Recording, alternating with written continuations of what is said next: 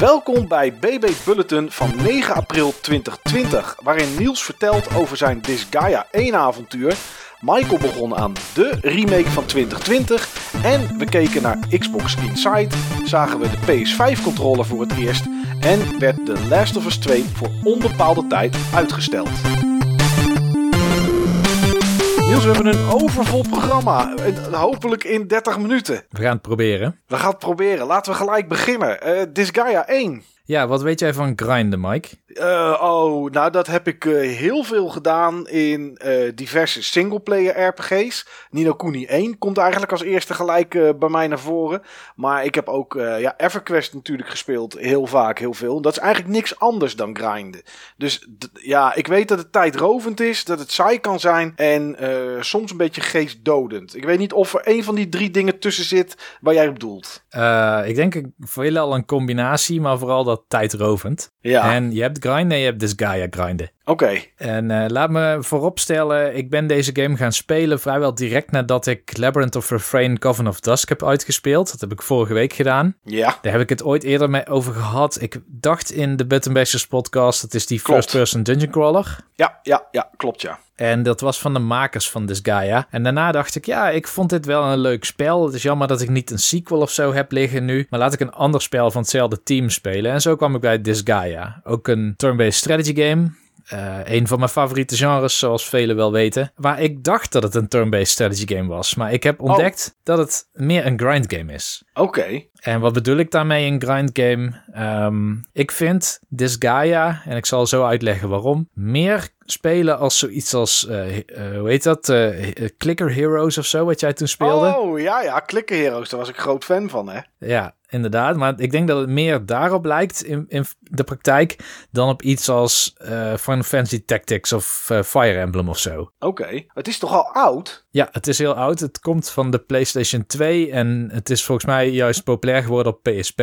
Oké. En er is een DS-poort van geweest, maar uiteindelijk zijn vorig jaar, ja, vorig jaar remakes verschenen, eh, complete editions voor de PlayStation 4 en PC en Switch. Mhm. En zodoende speel ik hem nu dus ook. Dus ik speel die complete edition. Dan heeft hij weer een nieuwe visuele laag gekregen. En die ziet er een stuk mooier uit als je het mij vraagt. Je ziet in de cutscenes nog wel de oude visuele stijl. Dat is heel erg wennen. Dan denk je, wow, wat zag dat er toch slecht uit. Ja. Terwijl voor die tijd zag het er best wel cool uit. Met een coole artstijl. Maar laten we zo zeggen, het sluit nu wel heel goed aan op Labyrinth of Refrain. Het heeft diezelfde kwaliteit in productie. Maar goed, ehm, ik zei dus Clicker Heroes. Waarom Clicker Heroes? Ja. Nou, ik kwam er dus achter dat het grootste deel van de tijd in dit spel ben je bezig om jouw units te levelen, zeg maar, te grinden. En waarom Ja. doe je dat? Omdat ja, je bepaalt voor zelf welk team je hebt en welke classes je eruit gebruikt. Alleen je hebt nog niet toegang tot alle classes. En dus ook niet toegang tot hele bijzondere skills. Dus wat ben je eigenlijk aan het doen? Die classes aan het unlocken. En dat doe je door andere classes tot een bepaald level te trekken. En op het moment dat je dat soort activiteiten gaat doen, dan gaat het eigenlijk niet zozeer meer over een soort van vernuftige tactische oplossing vinden voor een situatie of een puzzel. Maar dan ben je veel meer bezig met hoe min-max ik dit gevecht of een makkelijk gevecht. Hoe zorg ik ervoor dat ik geen enkel risico loop? Want je wil geen risico lopen tijdens het grinden, je wil gewoon levelen. Ja. En zorg ik ervoor dat de juiste unit, zeg maar, net de juiste XP krijgt om in levels te stijgen. En daar steek je misschien wel 80% van de tijd in. Zo, dat is wel heel veel. Ja, dus ik heb nu zo'n zes uur denk ik in het spel zitten. Ik heb dan acht levels gedaan. Ik denk dat die levels veel korter zijn dan een eh, gemiddeld Fire Emblem chapter. Ja. Als het Fire Emblem was geweest, dan zat ik nu in chapter 12 of zo. Oké. Maar hier zit ik dan in chapter 8, waarin ik meestal vrij gemakkelijke levels opnieuw doe. Om ervoor te zorgen dat mijn volgens mij eergisteren gecreëerde team. Die mag je zelf namen geven, dus je kan al een klein beetje ervan uitgaan hoe dat dan gaat klinken.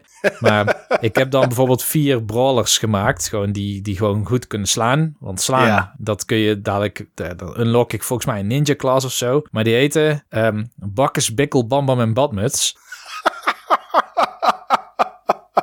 Ja, wel mooi. mooie namen, kerel. Ja, alles wat met een B begint, wordt een brawler. Snap je? dus dan kan ik ook Oh, ja, aan de ja. naam zien wat voor klas dat ze zijn. Ehm, maar die, die zijn nu level eh 7 of zo gemiddeld. Dus ik denk met een, een- zo'n 2, 3 uur grinden, dan zijn ze wel level 10. En dan krijg ik uiteindelijk de klas die ik wel wil. Dus deze zijn disposable. Die poppetjes gebruik ik dadelijk waarschijnlijk helemaal niet meer. Nee, precies. En, en, maar je loopt niet door, wat ik hoor jou zeggen, je doet levels opnieuw. Is het, kies je gewoon een missie of zo uit? Of hoe werkt dat? Ja, je hebt op zich wel een story mode. Eh, die verdwijnt heel erg naar de achtergrond op het moment dat je op deze manier die games aan het spelen bent. Ja. En die story mode, ja, weet je, ik, ik zou niet eens weten waar het verhaal precies over gaat, want het interesseert me ook helemaal niks. Eh, wat mij interesseert zijn gewoon die classes en de juiste karakters met de juiste skills krijgen. En ehm, wat wel zo is, is dat binnen een hoofdstuk, en je hebt, ik weet niet hoeveel hoofdstukken, maar ik ben nu in hoofdstuk 2, heb je steeds een zestal levels. Oké. do- door die levels te doen, tussendoor krijg je een cutscene en nadat die zes levels krijg je dus ook een conclusie, zeg maar, van dat hoofdstuk. Ik snap het. En, ehm,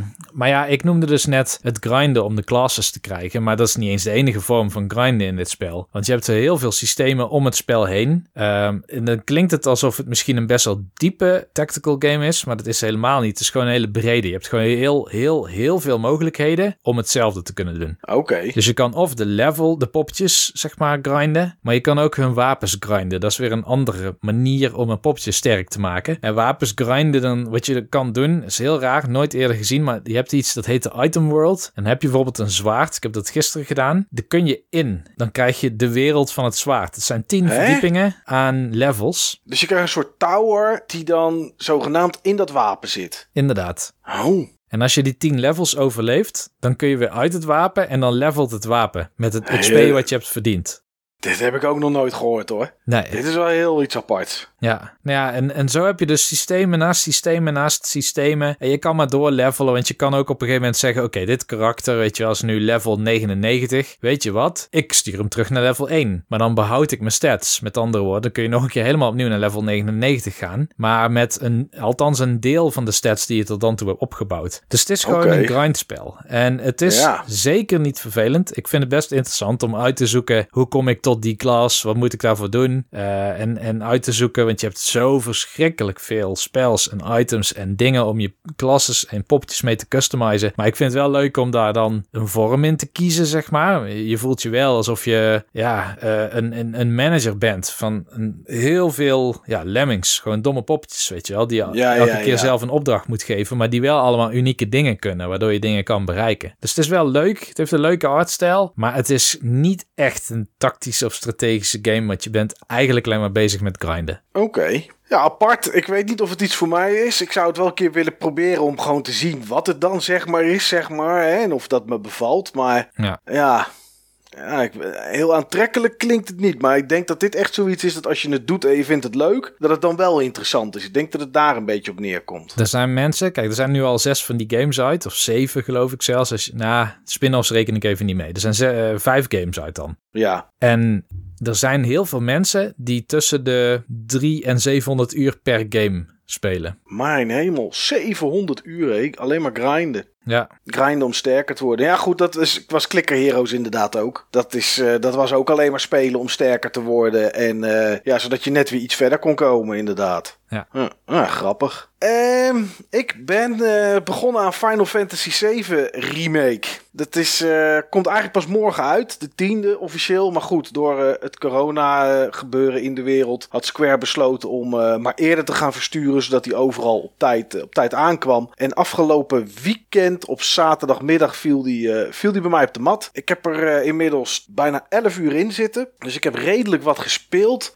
En het is eigenlijk te veel om in die eh 4, 5 minuten hier, eh, hier uit te leggen. Maar eh, ik ga misschien. Wat ik ga doen is ik ga vertellen wat ik er goed aan vind. Waardoor mensen misschien het idee krijgen dat ze het toch moeten halen als ze twijfelen. Maar ik heb wel kanttekeningen erbij. Ehm, als je iets grafisch wil dat er enorm goed uitziet. Dan moet je zeker deze game gaan spelen. Ik weet niet wat er allemaal op het beeld gebeurt. Ik zie het wel, maar ik weet niet wat er allemaal gebeurt. Maar er gebeurt echt een hoop. Het is grafisch een enorm spektakel. De- ja, het is gewoon. Er beweegt van alles. Er zijn overal ontploffingen. Er is vuur i- i- tijdens battles. Je ziet stroom. Je ziet bokken, hoe heet het, blokken naar beneden vallen. Uh, ja, het is, het is niet normaal joh, wat er allemaal, uh, wat er allemaal gebeurt. Het is echt heel erg bizar. Um, je moet het ook kopen als je het verhaal van Final Fantasy VII, zoals het ooit was, een beetje vaag vond. Of als je denkt, dit was het toch niet helemaal. Want je speelt namelijk niet echt het verhaal van Final Fantasy VII. Het is er los op gebaseerd. En dat wil zeggen dat de personages er wel in zitten. En dat er een hoop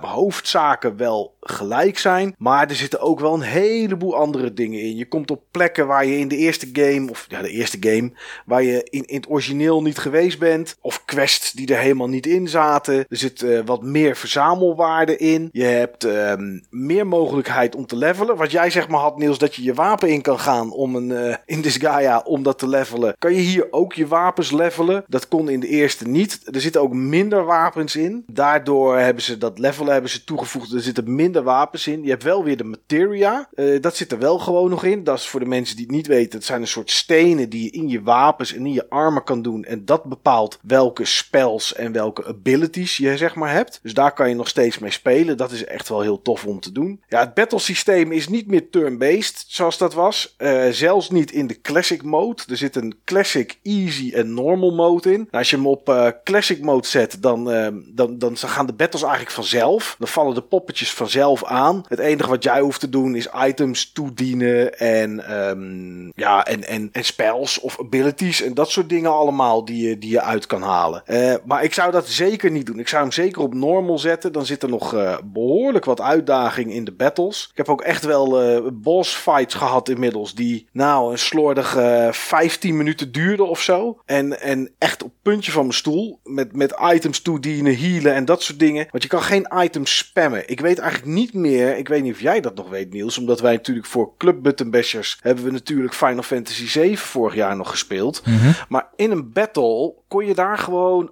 items blijven, blijven spammen, zeg maar. En, en toedienen. Volgens mij wel, hè? Volgens mij alleen als je aan de beurt was met het Active ja, Time Battle. Ja, dat, dat wel. Nou, dat hebben ze hier ook. De ATB, de Active Time Battle, zit hier ook in. Alleen is, de, is het battlesysteem active.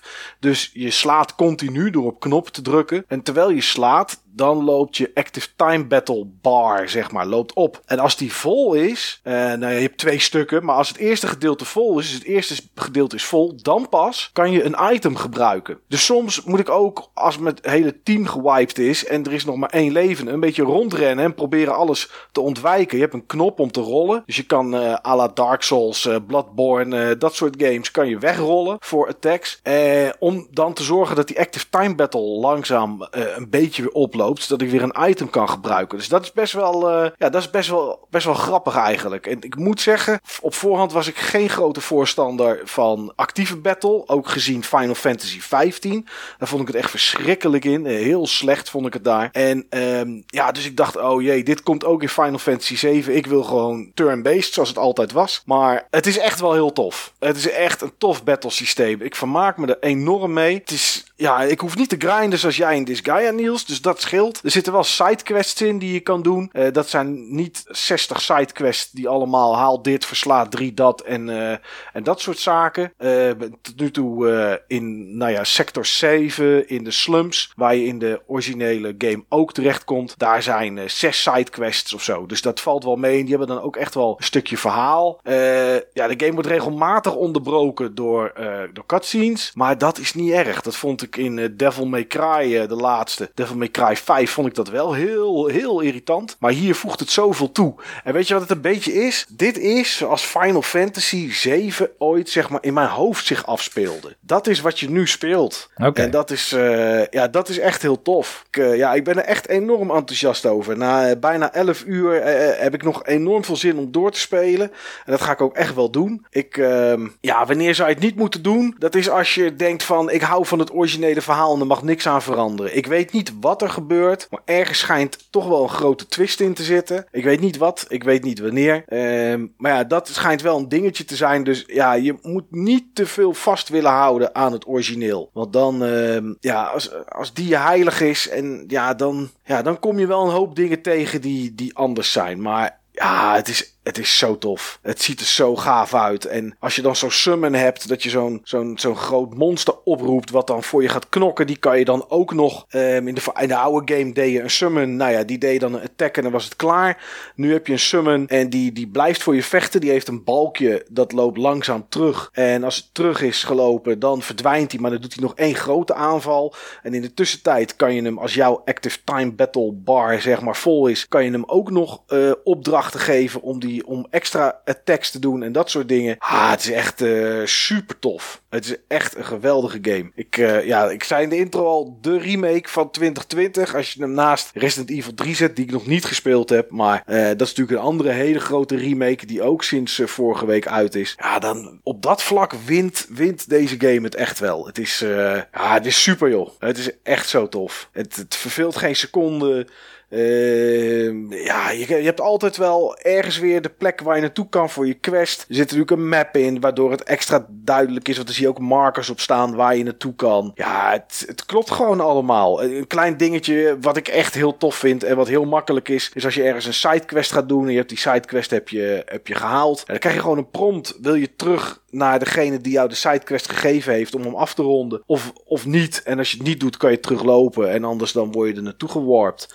Ja, dat zijn toch allemaal een beetje, ja, gewoon dingen die het allemaal een beetje, ja, makkelijk maken, zeg maar. Die het gewoon niet vervelend uh, aan laten voelen om zo'n sidequest te doen. Dus uh, ja, ik, uh, ik ben enthousiast, Niels. Ik hoor het, ja. De meeste ja. mensen zijn ook wel enthousiast. Hè? Er zijn wel een aantal zessen, maar de meeste publicaties die geven het toch wel, zeg maar, boven in de acht of in de negen. Ja, ja, inderdaad. Dus uh, nee, uh, ja, ik kan, ik kan het alleen maar aanraden als het enigszins je interesse wekt of heeft gewekt. Of misschien heb je de demo gespeeld. Die, volgens mij is die er nog. Die kan je gewoon downloaden. Uh, ja, het, het, het wordt daarna echt alleen maar beter na die demo.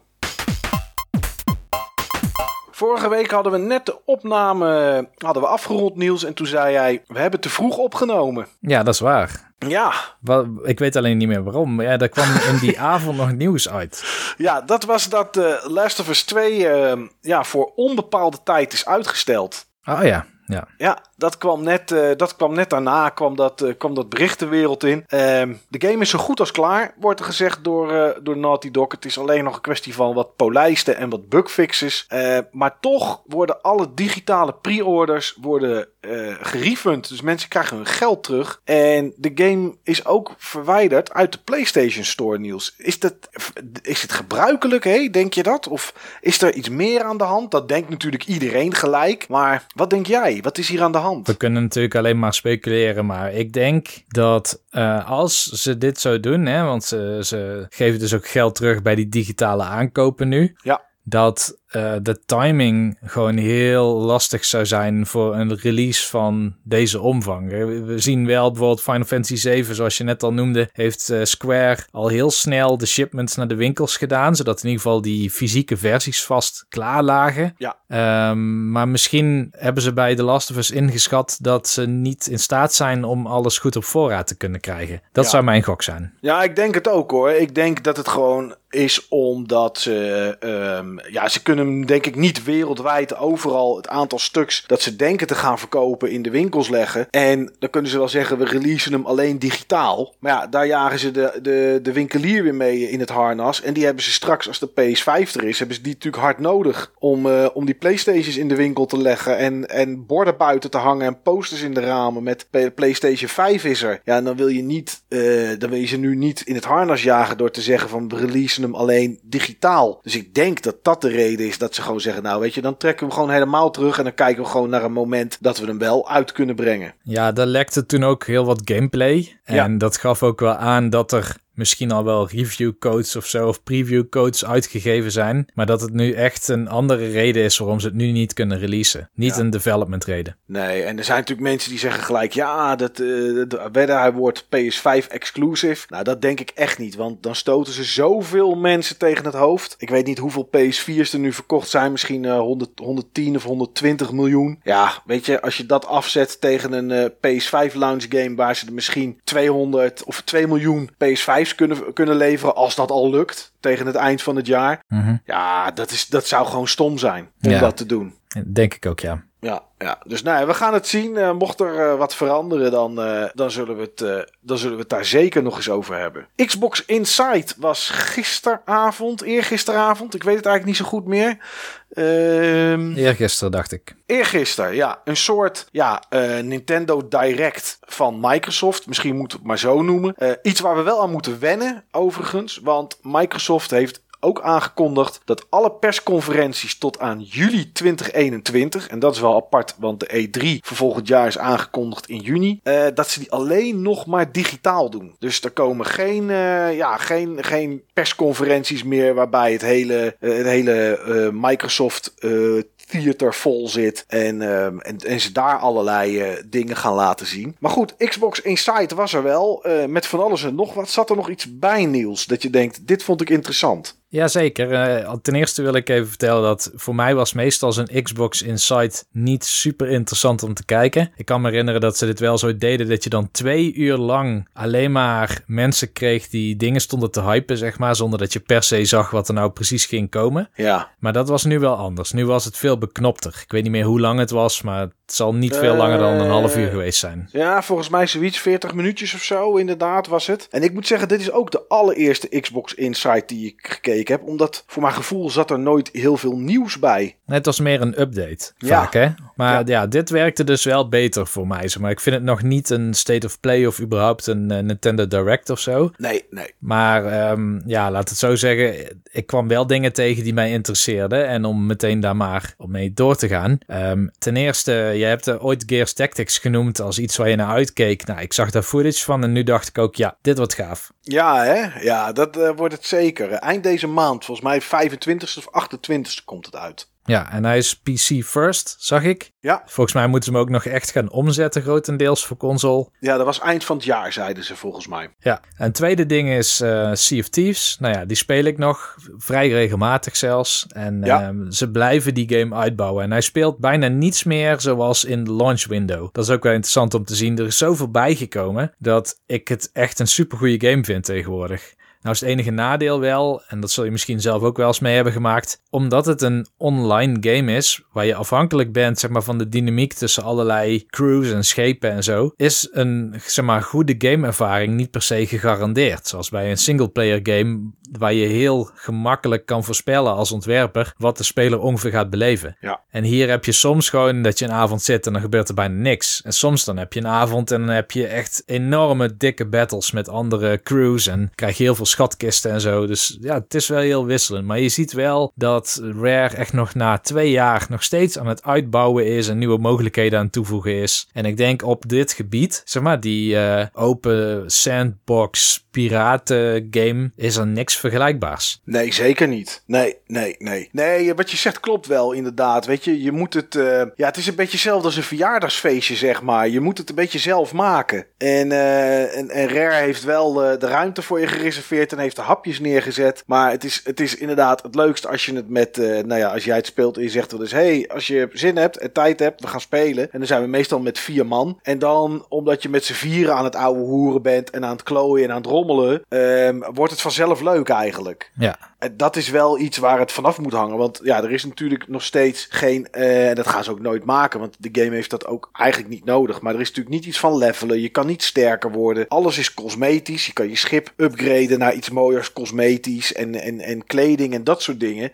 En dat is waar het op gebaseerd is, zeg maar. Dus ja, weet je. Kijk, je kan wel zien wie de rijk is. Want die heeft waarschijnlijk de duurste kleding aan. En dan weet je wel, oké, dat is een misschien een betere speler dan ik. Maar dat is het. Dat wil niet zeggen dat jij hem nog steeds niet neer kan halen met je boot als je het goed timed en goed je best doet. En dat maakt het dan ook eigenlijk wel weer leuk dat dat kan. Ja. Dus uh, ja, nee, maar het is, uh, ja, ze, ze blijven uitbreiden inderdaad. Dat is wel heel goed. En twee kleine toevoegingen die ik nog even wilde noemen was die uh, X-split integratie in de Windows of de Xbox bar. Klopt, ja. Ja. Dus dat is interessant. En, maar het allerinteressantst vond ik eigenlijk die Xbox Co-Pilot mode. Ik wist niet eens dat die er was. Ja, die is nieuw, hè? Dus die is nieuw. Oh, ik dacht dat dat er al in zat. Ik had het wel gekeken, maar ik dacht dat het al een tijdje erin zat. Maar dat is het dus nog niet. Nee, nee, volgens mij niet. Maar dat is heel cool. En wat er dus eigenlijk gebeurt is dat elke game wordt in zekere zin uh, co-opable, zal ik maar zeggen. Co-opable. Ehm, dat je twee Xbox controllers kan gebruiken als één. Dus voor de game is het één Xbox controller. Ik weet nog niet of dat je dan, zeg maar, als, ja, of dat je kan afspreken wie nou welke knoppen mag gebruiken of zo. Want je bestuurt dan waarschijnlijk één karakter in de meeste singleplayer games. Maar ik vind het wel interessant dat Microsoft over dit soort dingen nadenkt. Hun uh, accessibility controller, de naam daarvan ben ik kwijt. Maar dat was zo'n soort van. Ja. Ja, uh, ja, volgens mij heet hij wel zo inderdaad. Die hele grote met twee grote knoppen. En, uh, en heel veel van die kleine jackpoortjes, zeg maar. Precies, ja. Die je dan eventueel aan, aan iemand die in een rolstoel zit of, of wat dan ook daaraan zou kunnen koppelen. Ja, vind ik geweldig. Geweldige innovatie. Ja, die co-pilot, want ik dacht van hoe... Uh, ik moet met een voorbeeld komen, want uh, dat is misschien wel grappig, maar het bestaat al langer. Want okay. ik zag... Uh, ik ging even zoeken, omdat jij zei van... Ja, dit co-pilot vond ik tof. En toen kwam ik op een Reddit-post kwam ik van...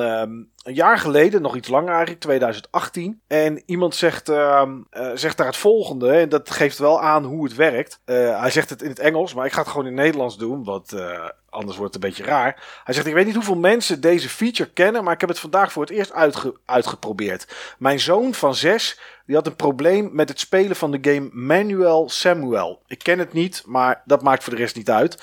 Het is een game waarin je moet ademhalen, knipperen, lopen, eten en dat allemaal in je eentje. Dus elke knop zal waarschijnlijk een functie hebben. Dat was een beetje te moeilijk. Dus toen heeft die uh, vader heeft Copilot, uh, Copilot aangezet. En die heeft de functie van ademen en knipperen heeft hij overgenomen. Waarschijnlijk zijn dat dan knoppen of wat dan ook. Waardoor zijn zoon alleen nog maar hoefde te lopen en, um, en te eten of zo. En die vader zorgde dan voor het ademhalen en voor het knipperen met je ogen. Nou, dus op die manier uh, kan je toch inderdaad, als je een, uh, ja, een kleine hebt die, uh, die wel wil gamen, maar dat het toch net even te veel knoppen zijn, dan zou je dat over kunnen nemen. Dus je zou bijvoorbeeld kunnen, kunnen zeggen dat, dat je iemand Forza laat spelen en dat, die alleen maar, dat het kindje alleen maar gas hoeft te geven en dat jij het remmen dan doet. Ja, inderdaad. Ja, ja, dan zou je op die manier zou diegene, zou diegene of, of iemand die het gewoon niet goed kan, kan dus toch het plezier hebben van de game, terwijl je hem daar zeg maar bij helpt. Ik hoop dat het dan ook naar PlayStation komt, dan kunnen we een keer samen Heavy Rain spelen.